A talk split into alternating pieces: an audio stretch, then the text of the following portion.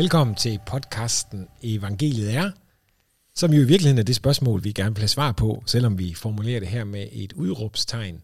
Vi optager det fra Menighedsfakultetet i Aarhus, og vi, det er Kasper Bergholdt, der sidder her over for mig og styrer teknikken og de gode spørgsmål. Og jeg selv hedder Morten Hørning og er øh, professor her på Menighedsfakultetet i Nytidsmente, og Kasper er tidligere studerende, har nu studerende ved teologisk uddannelse på Aarhus Universitet, og han har øh, hjulpet mig i et projekt, der er gået ud på at finde et svar på det her spørgsmål, så det egentlig bliver til et udråbstegn, og det er så blevet til en bog, som vi er ved at trage os igennem. Ja, og øh, der hvor vi var sidst, der kiggede vi på øh, jødiske evangelier og evangelier på øh, altså jødiske evangelier på Jesu tid og på Paulus' tid, kan man sige. Så, så øh, hvad var det for nogle øh, tendenser, der var i, i, øh, i øh, det jødiske samfund dengang? Hvad var det for nogle tanker, man gjorde sig om evangeliet, og hvilken debat medførte det? Og, øh, og vi var inde på, at, øh, at der var dels en, en evangeliedebat om at være den rigtige jøde. Det var ligesom et ord, der blev brugt i, i diskussioner om, hvem var de rigtige jøder. Og så for Paulus, der virker det til også at være øh, meget vigtigt i forhold til at definere, hvem der er den rigtige Jesus-troende jøde, eller den rigtige kristne, eller afhængig af, hvordan man nu vil, vil se det. Ja. Øh, så det var der, hvor vi var sidst. Og øh, så er vi kommet til Markus nu. Mm. Ja. ja, for enden af, hvad der jo er blevet til en, en lang skattejagt. Og, det, og det, det er blevet en lang skattejagt af den gode grund, at Markus jo ikke hverken opfinder et sprog eller ord eller noget lignende. Han skriver ind i en sammenhæng med ord, som var velkendte. De har betydet noget. Så den her skattejagt, vi, vi har været på, har været sådan et forsøg på at lave et baggrundstæppe for scenen, mm. som nu er klar, yeah. støvet af og blank og alt muligt. Og, og så er det i dag, vi skal ramme den. Og, og, og vi kan måske lige sige, at man kan altså ikke springe de første fem episoder over. Det er jo det, der er hele pointen ja. om, at vi har lavet dem. At man kan ikke bare gå til Markus uden at kende til alt det andet. Nej, det er faktisk en dårlig uh, tilgang ja. til at læse Markus evangeliet. Så det er det, vi skal i dag. Vi, øh, vi skal i gang med Markus evangeliet. Nu, mm. er, nu er der ikke som de siger på engelsk, without further ado, uden yderligere ophold eller udsættelse, så går vi, øh, så går vi til Markus evangeliet. Mm.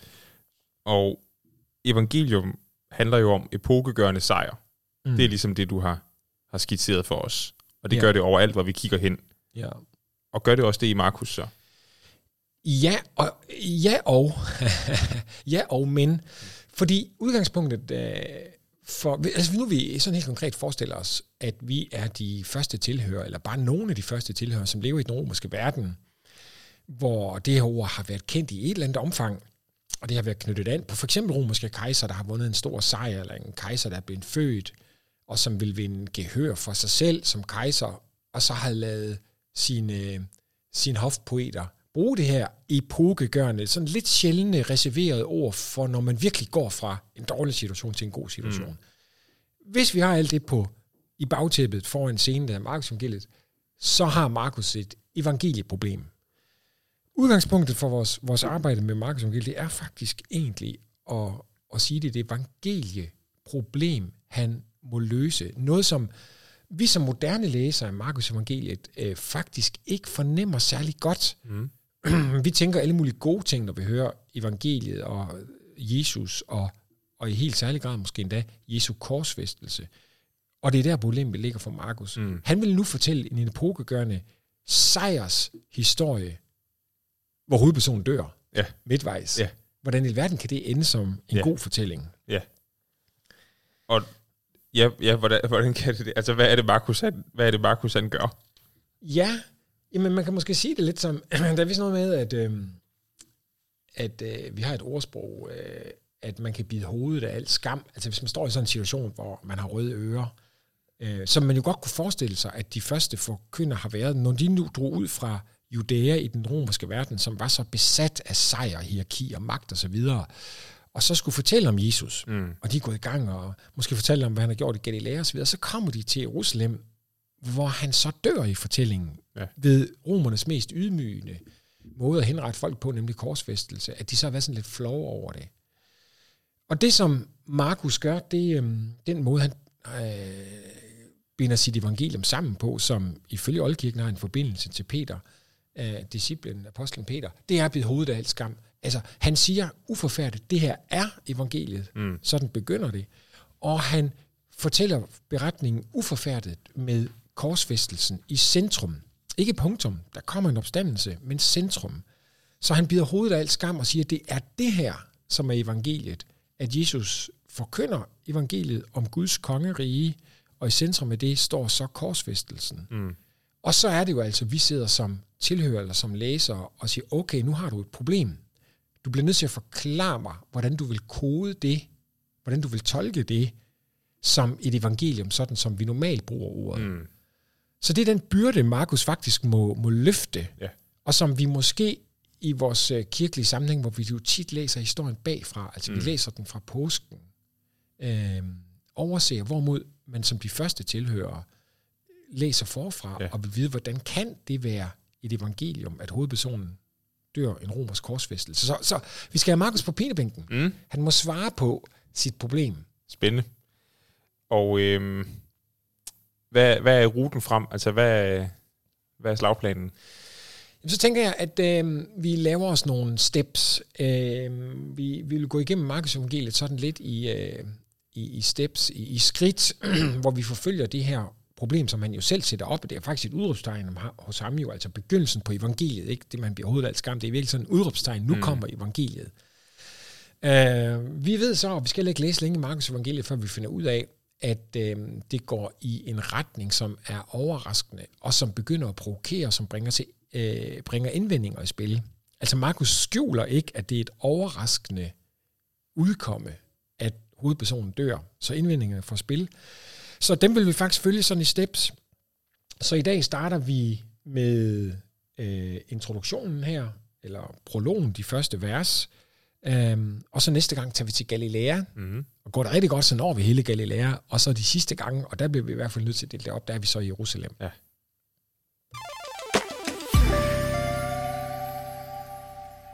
Så vi begynder altså med prologen. Vi begynder i begyndelsen.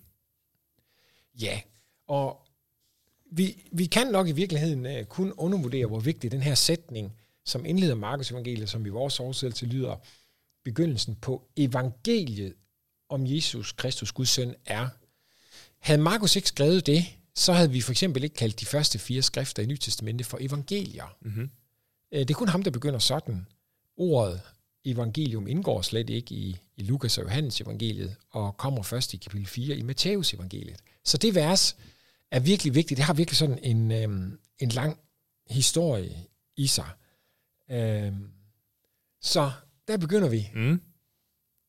Hvad, hvad, er det for, altså, hvad er det for et evangelium, Markus han ligesom iscenesætter for os her? Altså, hvad, øh, hvad er det for en udgave af evangeliet?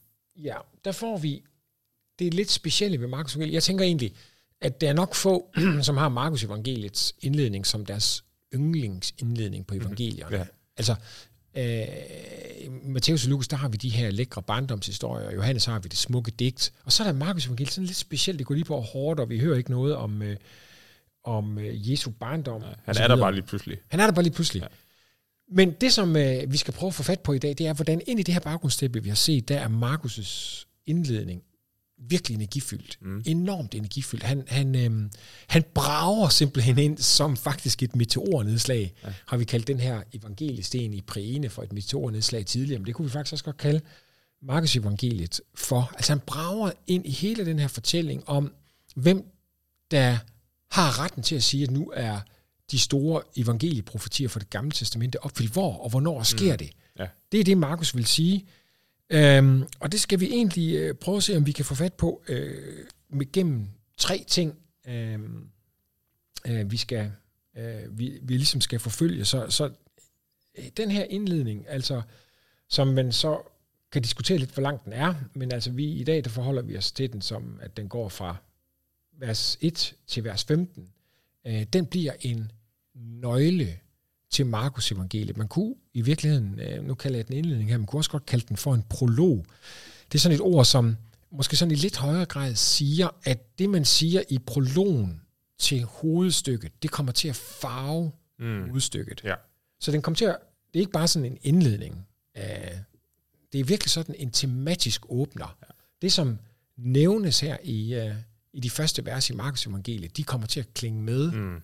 Det sætter øh, scenen for, for resten. Så lidt ligesom hvis man lytter til, til opera for eksempel, så er der altid sådan en overture, ikke, hvor, man, hvor man lærer øh, temaerne at kende, og så Ja. dukker de op sidenhen og sådan noget. Ja, lige nuagtigt. Altså, det kalder man også øh, sådan, på engelsk kalder man det foreshadowing. Altså, jeg ved ikke, om vi har et dansk ord, der hedder forudaning. Mm. Og det er jo i virkeligheden en retorisk måde, hvorpå man kan skærpe sin læser, når man skal sige noget mundtligt eller musisk, hvor man ikke kan bruge grafisk opsætning, som mm. vi kan, når vi skriver. Um, så Markus Evangeliet var jo designet til at blive læst op, eller måske virkelig dramatiseret.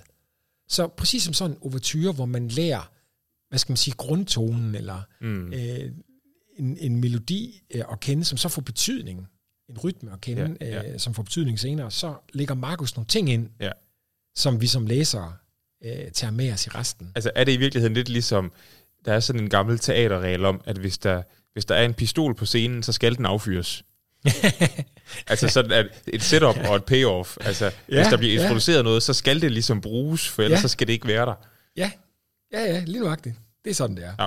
Okay, så, så, så, så hvad er det, Markus han sætter op for os her?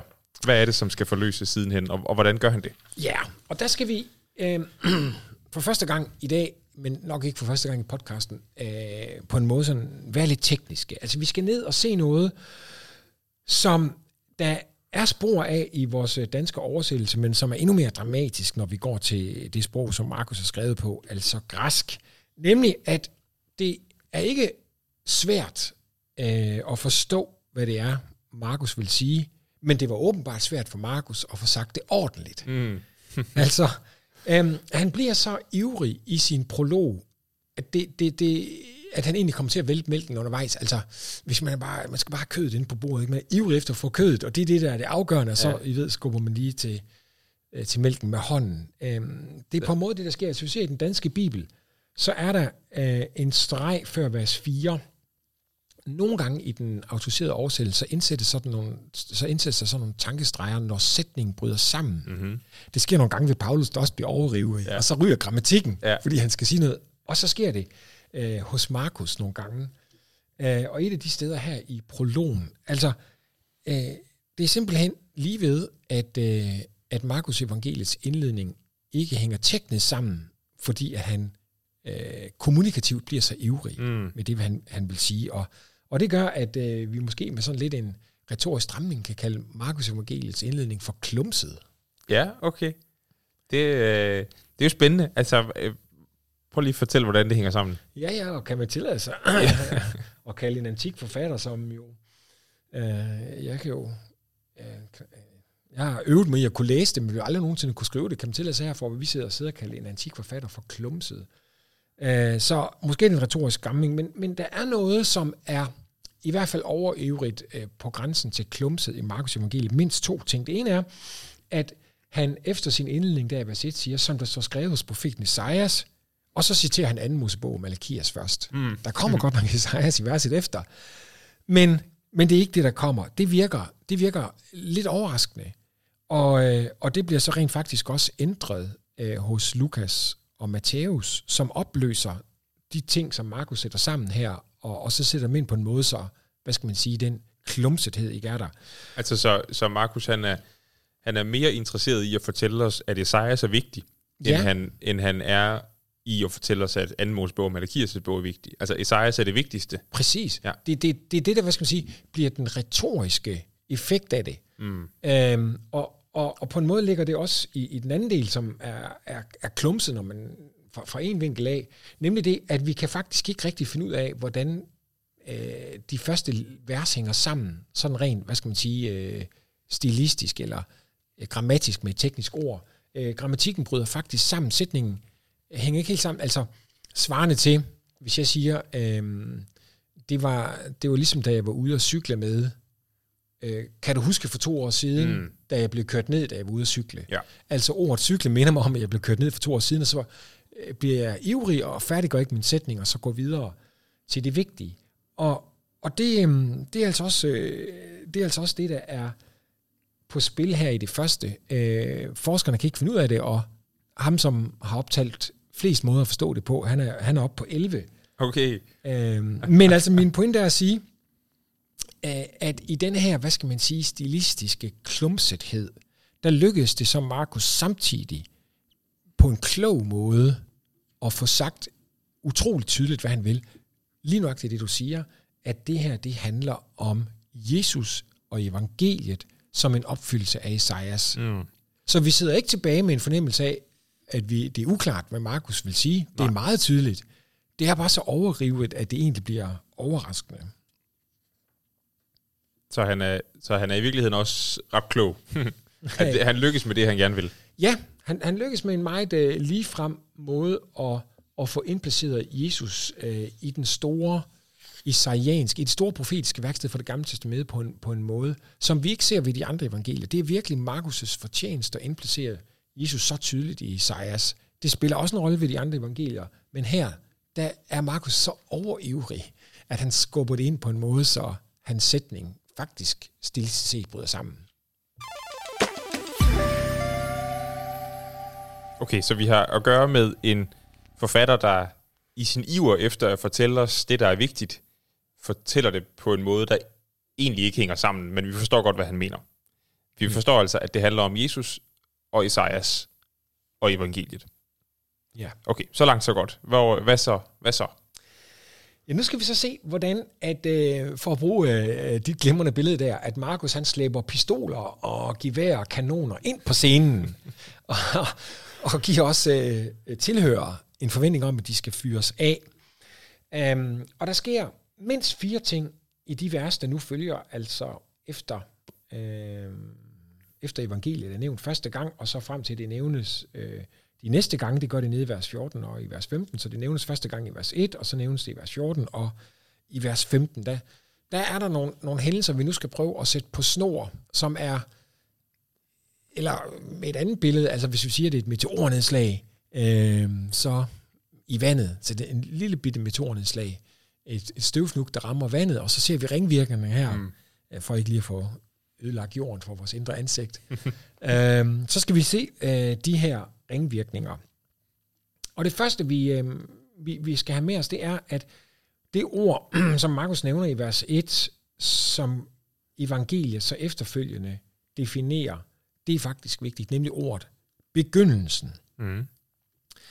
Det øh, er et ord, som øh, i de græske tekster og i det gamle testamente bruges med sådan lidt øh, med to sider af samme mønts øh, betydningagtigt. Altså på den ene side så betyder det bare, at i dag begyndte jeg. Altså det er en tidslig begyndelse. Men på den anden side så betyder det i nogle situationer samtidig det, at man begynder på en ny epoke. Mm. Altså det er en ny øh, grundlæggelse af noget, der nu kommer, som er afgørende nyt. Et sådan eksempel, det har vi i uh, første Mosebog, kapitel 1, vers 1.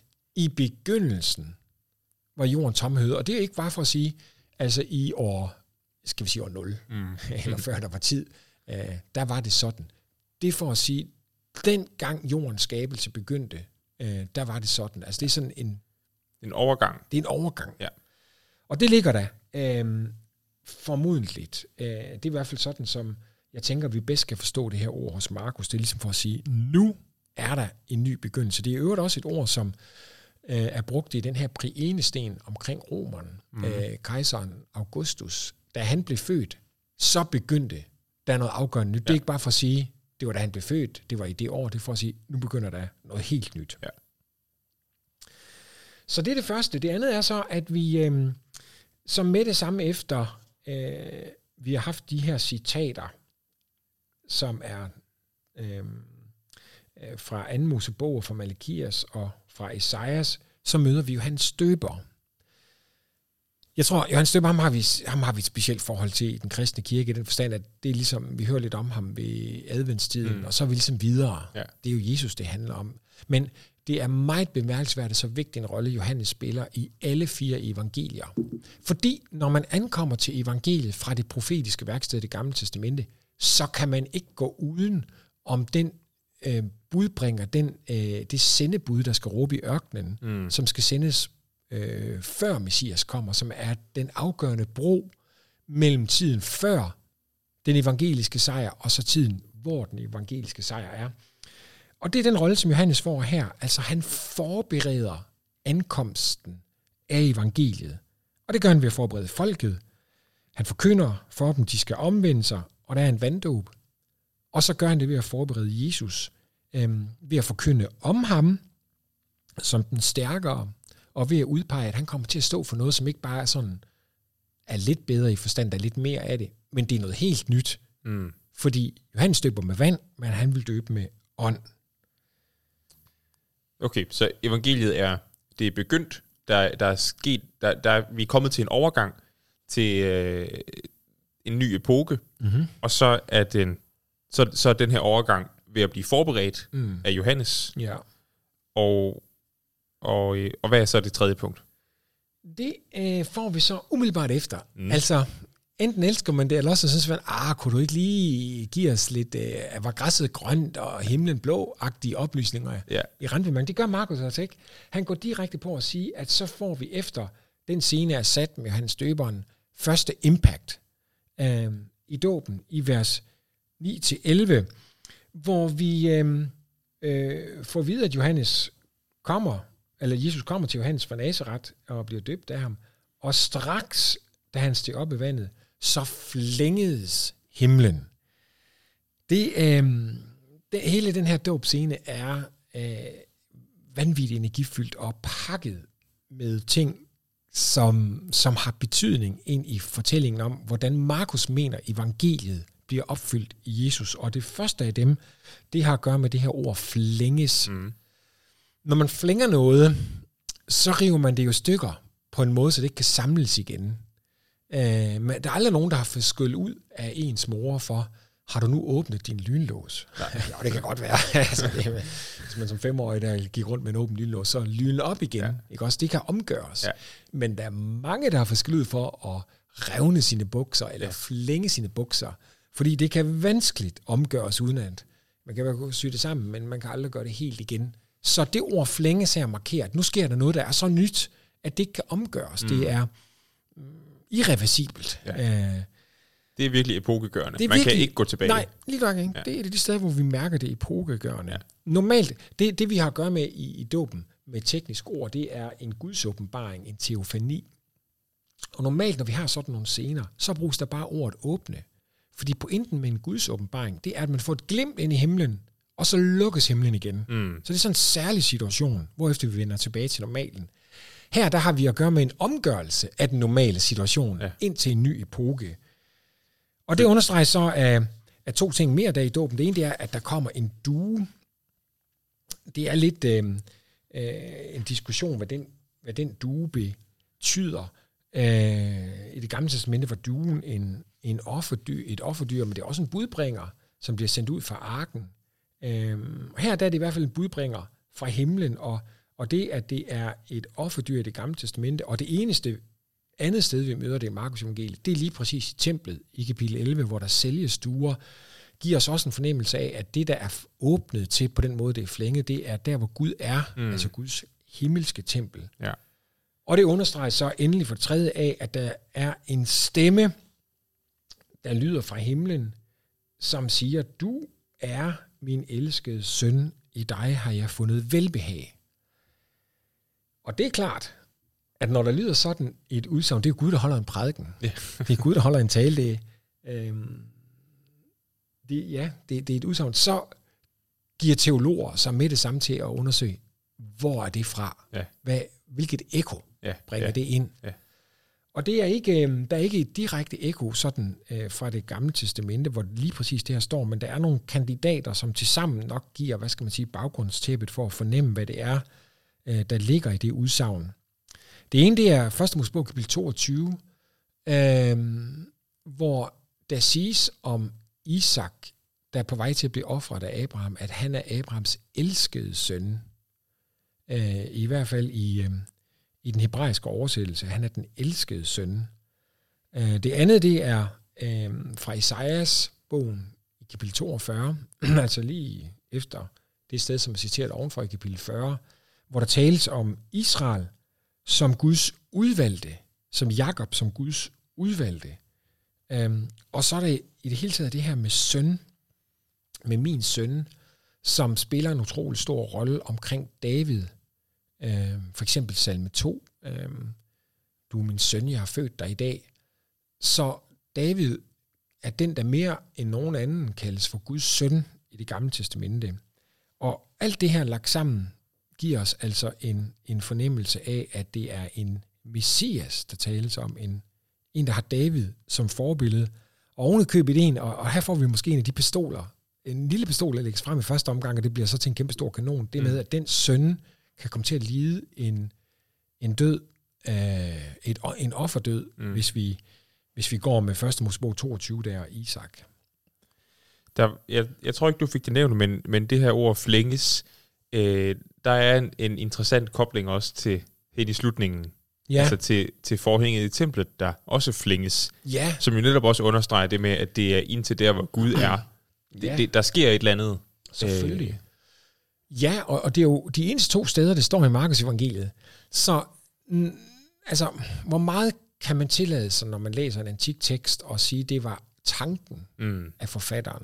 Og hvor meget er det også, der læser noget ind? Det er altid en balance, man skal tage. Uh, men uh, vi antager, at Markus kunne tænke en sammenhængende tanke. Mm. At han kunne skrive det her på en måde, så han... fornuftigt at antage. Det er altid fornuftigt at antage. Det er en respektfuld måde at gå til en uh, antik tekst på. Ikke? Mm.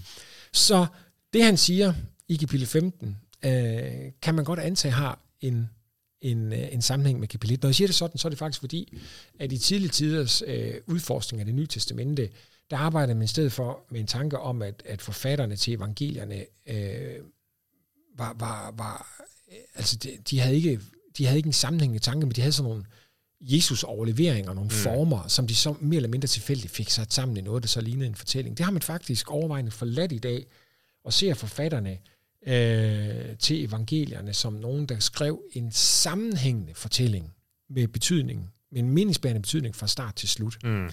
Øh, og det mener jeg er en meget mere fornuftig ja. og sund og respektfuld måde at gå til evangelierne på. Ja. Og så bliver det jo lige pludselig interessant, at Markus nævner ordet flænge her, og så en gang mere, da forhænget i templet flænges. Og, og laver sådan en, en sandwich i en burger, kan man sige. Ikke? Ja. Altså, altså, Gud giver sig til kende her i dåben, og så giver han sig til kende i templet, som en respons på, at Jesus hænger på korset. Ja. Og den, den der lille pistol, den, den vokser hele tiden. Ikke? Ja. Altså, det, at Jesus går ind i sejrsløftet som den mægtige kongekriger, har åbenbart noget at gøre med det, der kommer til at ske med ham, da han hænger på korset. Vi ved bare ikke nu hvad. Nej. Det skal vi finde ud af. Ja. Men Markus lader os ligesom forudane, at uh, melodien går mod det crescendo. Mm. Okay, så vi er altså i gang med at finde ud af øh, evangeliet i, i, i prologen til Markus evangeliet. Ja. Og du har sagt, at, at evangeliet begynder i begyndelsen, fordi der får vi ligesom overgangen, og så bliver den forberedt af Johannes Døberen, og så bliver den modtaget øh, i i dåben her. Altså der, der kommer den evangeliske nærhed, øh, epo, epoken over, altså overgår ligesom her. Altså det er her overgangen for, for alvor kommer i spil ja. i Jesu dåb. Og, Måske kunne jeg lige sige, tilføje en anden ja. ting, jeg havde glemt. Uh, det går godt i det. Men det er jo fordi Markus, det er jo helt vildt, hvad han får pakket. Ikke? Men han får også ind i sin, i sin beskrivelse af den scene her, lavet sådan en bevægelse, hvor Jesus stiger op af vandet, og duen stiger ned. Så der sker øh, sådan en opstigning og nedstigning mellem himmel og jord, hvor, som peger ind mod Jesus. Mm. Ja. Øh, som ligesom sætter ham i centrum på en helt særlig måde, som så fører hen til det, det sidste, vi skal diskutere i dag i øvrigt. Ikke? Men altså, Jesus placeres ligesom der nærmest midt mellem himmel og jord, mm. som mødestedet for den her fortælling om evangeliet. Ja. Det er vildt. Ja. Det, det er i hvert fald... Øh, Ja, det er epokegørende, hvis det, hvis det er rigtigt. Ja. Altså, ja. Nå, men det fjerde punkt, som ja. du har om, om evangeliet. Jamen det er så, at umiddelbart efter det, øh, straks med Markus' yndlingsord, ja. så skal det, som er sket i dåben, testes. Det skal trykprøves. Øh, kan huset holde luft, eller hvad det er, ikke? når man bygger et nyt hus i dag, så skal det trykprøves. Så straks efter, at Jesus har modtaget ånden som en due, så drives han ånden ud i ørkenen og skal der fristes. Og der har vi en meget, meget kort beretning. Normalt, når vi læser om Jesu fristelse i ørkenen, for eksempel i, i kirken, i tekstrækkerne, så er det altid Lukas øh, eller Matthæus, vi læser fra, hvor vi har de tre fristelser. Mm. Dem får vi ikke her. Vi får ikke at vide, hvad der sker.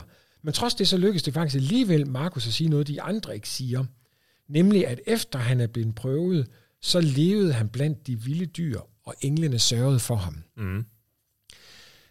Og det rummer endnu et kæmpestort isaiansk ekko.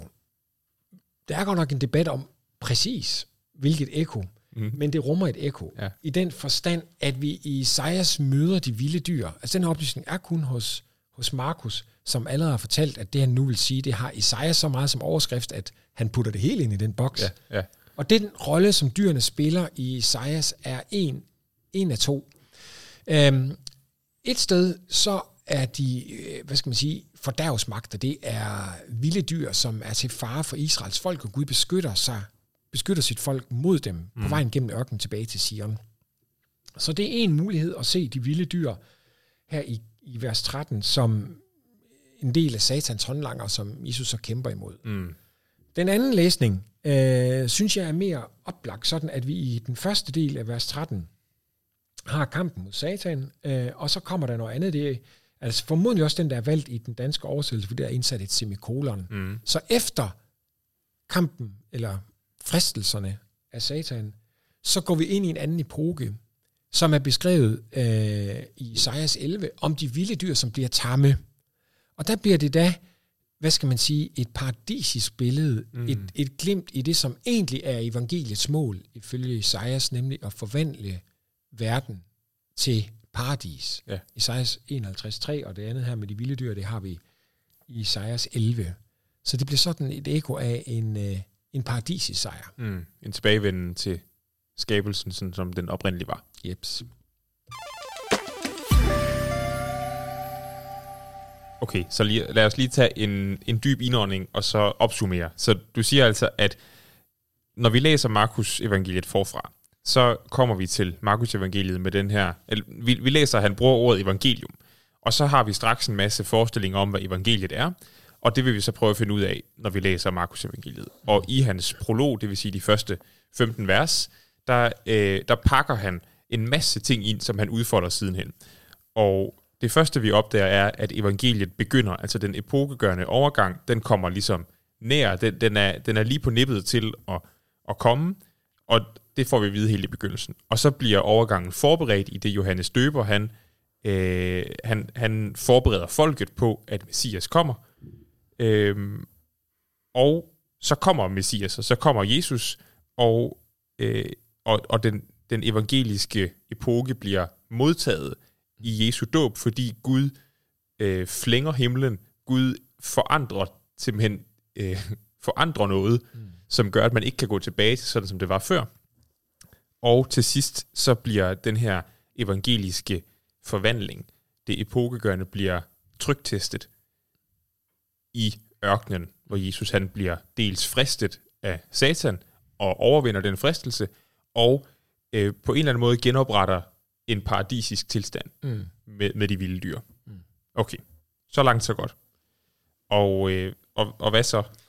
Jamen, så vender vi faktisk tilbage til et af de helt store spørgsmål, som øh, vi var inde på i den aller øh, første podcast her.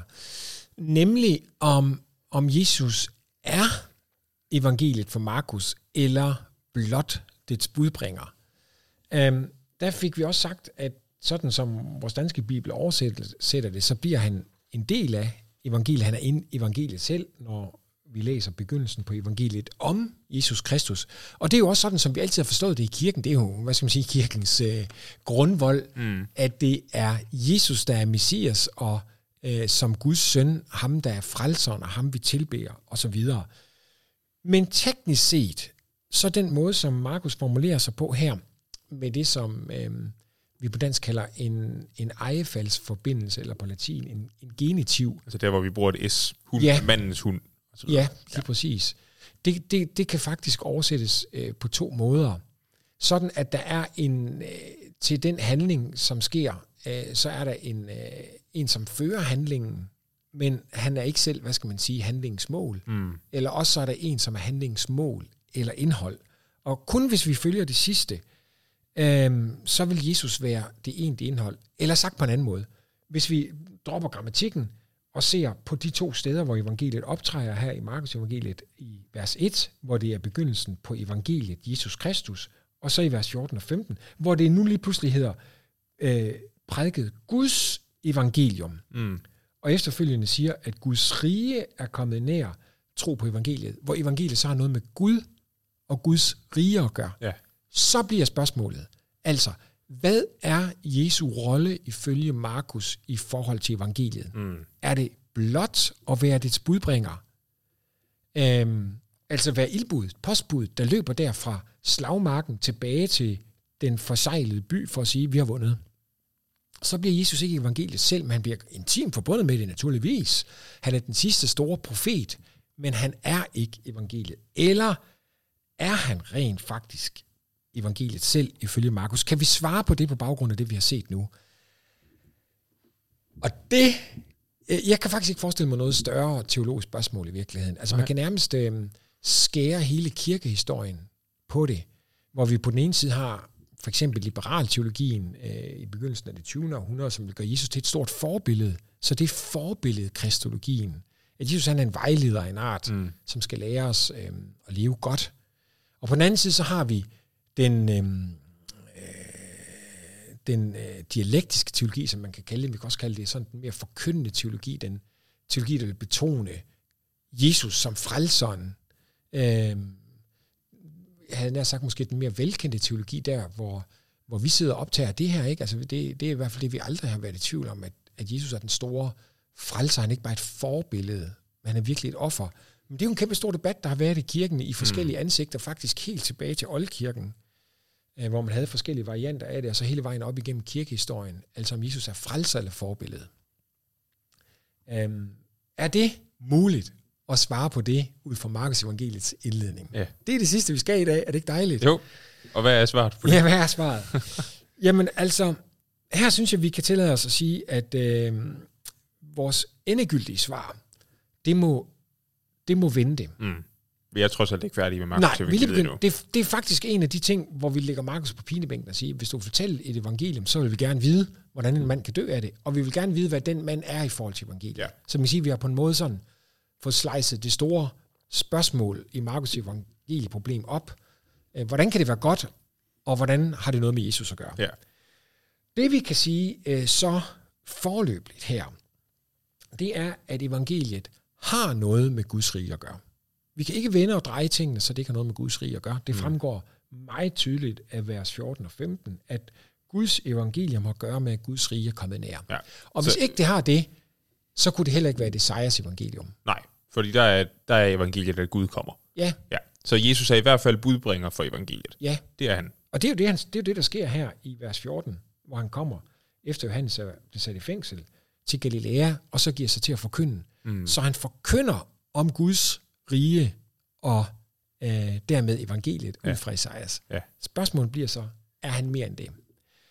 Og der vil jeg sige forløbigt, at det er der alt muligt, der tyder på i Markus' prolog, at han er. Og, og det bliver jeg nødt til at prøve at begrunde, sådan at man ikke sidder og tænker, om det er jo bare fordi, det er det, du gerne vil have. Altså, hvor kan, hvor er, kan vi se det? Mm. Ja, vi kan for det første se det ud af, at øhm, den måde, som Markus øh, øh, forklarer evangeliet i det første vers, der gør han det jo på en anden måde. Altså når han i vers 14-15 siger, at det er Guds evangelium, så siger han i vers 1, det er evangeliet Jesus Kristus. Det har noget med Jesus Kristus at gøre. Så allerede der ligger der jo en, en spændvide. Mm. For det andet kan vi, er der en meget, meget vigtig detalje i de her citater, øhm, som vi ikke må overse, nemlig hvor Markus går ind og laver en ændring af sådan, som de står i det gamle testamente, øhm, og så siger, se, jeg sender min engel foran dig. Han skal bane din vej. Dette din vej. Øhm, øh, det er en, en måde, hvorpå han får sagt, øh, eller hvor han ændrer den gamle testamentlige tekst for at sige, at der er en samtale i gang mellem nogle personer. Mm. Og de eneste, der er til stede her i vers 1, det er Gud og Jesus. Ja. Det er de eneste, der nævnes. Så vi får ud fra vers 2 en fornemmelse af en himmelsk samtale. Ja. Altså, at Jesus er præeksistent til stede, så han indgår så meget øh, i evangeliet, at han er en del af samtalen Fordi her. i det gamle testamente, der står der, at han skal bane vej for ham. Altså i tredje person. Ja, Er det ikke sådan, skal, det ja, ja, eller vejen for Israel. Ja. Han skal bane Israels vej. Ja. Og det bliver så til Jesu vej her. Øhm, det, det tredje, det er, at Johannes gør Jesus unik, gør ham kvalitativt anderledes ved at sige, at Johannes står i det gamle og døber med vand, men Jesus får ånden på en helt særlig måde. Mm. Og allerede i det, der bliver Jesus ikke bare den, der forkynder om Guds rige, han bliver den forkyndte. Mm. Altså, der, der står her i vers 7, at Johannes forkynder om Jesus. Øhm, og, øhm, og så får vi så øh, dåben, som jo på en helt særlig måde gør Jesus til mødepunktet. Det, altså, det her sker ikke for en budbringer. Nej. En budbringer modtager ånden, og efterfølgende får vi fristelsen i ørkenen, hvor budbringeren så pludselig bliver en del af kampen. Der brydes billedet også. Budbringeren skal egentlig bare fortælle om, hvad der skete på kampen, men her tager Jesus kampen selv. Altså simpelthen ganske enkelt, hvis, hvis det her det var en crime scene, så er der øh, Jesu øh, fingeraftryk ud over det hele. Ja. Ikke? Det er simpelthen ikke svært at finde ud af, hvem der har begået det, der, der foregår. Nej. Ikke? Og den person, ifølge Markus, det er Jesus. Ja.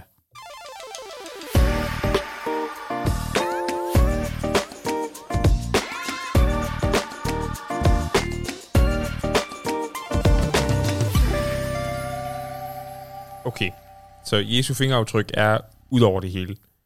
Og du har været lidt inde på det, og det er vel også det, som vi sådan skal efterfølge i de øh, følgende episoder, nemlig altså det om Guds rige, det om, om sejrsbudskabet, og så det om korset. Mm.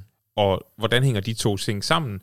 Og så skal vi finde ud af mere om det her med Jesu forhold til evangeliet. Mm. Vi ved nu, at han er i hvert fald budbringer for evangeliet, og vi har fået en anelse om, at han måske er mere end det, og det skal vi så se, øh, om det er rigtigt. Ja. Og, og hvad skal vi ellers herfra?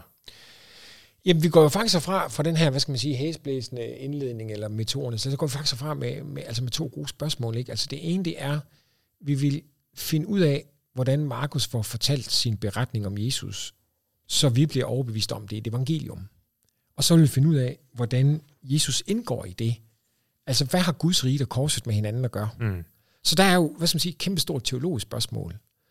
Men der er jo i virkeligheden også et mere praktisk teologisk eller eksistentielt spørgsmål, som, som vedrører os øh, som kristne i dag, og som øh, kirke, og som folk med ansvar i kirken, som forkynder eller ledere eller teologer. Altså, hvis det her evangelium er så voldsomt, som Markus ønsker at sige her, at det har med skabelse at gøre, nyskabelse, det er en kosmisk genoprettelsesplan. Hvordan håndterer vi det så? Hvordan forkynder vi sådan et evangelium? Mm. Og hvis det har med Jesus at gøre, og Jesus som korsfæstet at gøre, og dermed Jesus som frelser, øh, hvordan forkynder vi det? Hvordan iklæder vi det sprog og tydelighed og relevans, øh, så det får, hvad skal man sige, den her overbevisende forklaringskraft, der gør, at spørgsmålet om, er Jesus Messias, det bliver til et udråbstegn. Jesus er Messias, Jesus er Kristus, Jesus er, er verdens frelser. Så det tænker jeg egentlig kunne være nogle gode ting at tage med videre her. Ikke? Altså, vi, har, vi har noget, vi teologisk set vil forholde os til, men vi kunne faktisk også godt tænke os at spejle, hvordan den teologi bliver til levende praksis Mm. i menigheden Ja. og i vores egne hjerter i dag. Spændende. Så nu har vi kigget på prologen, og næste gang der læser vi lidt videre.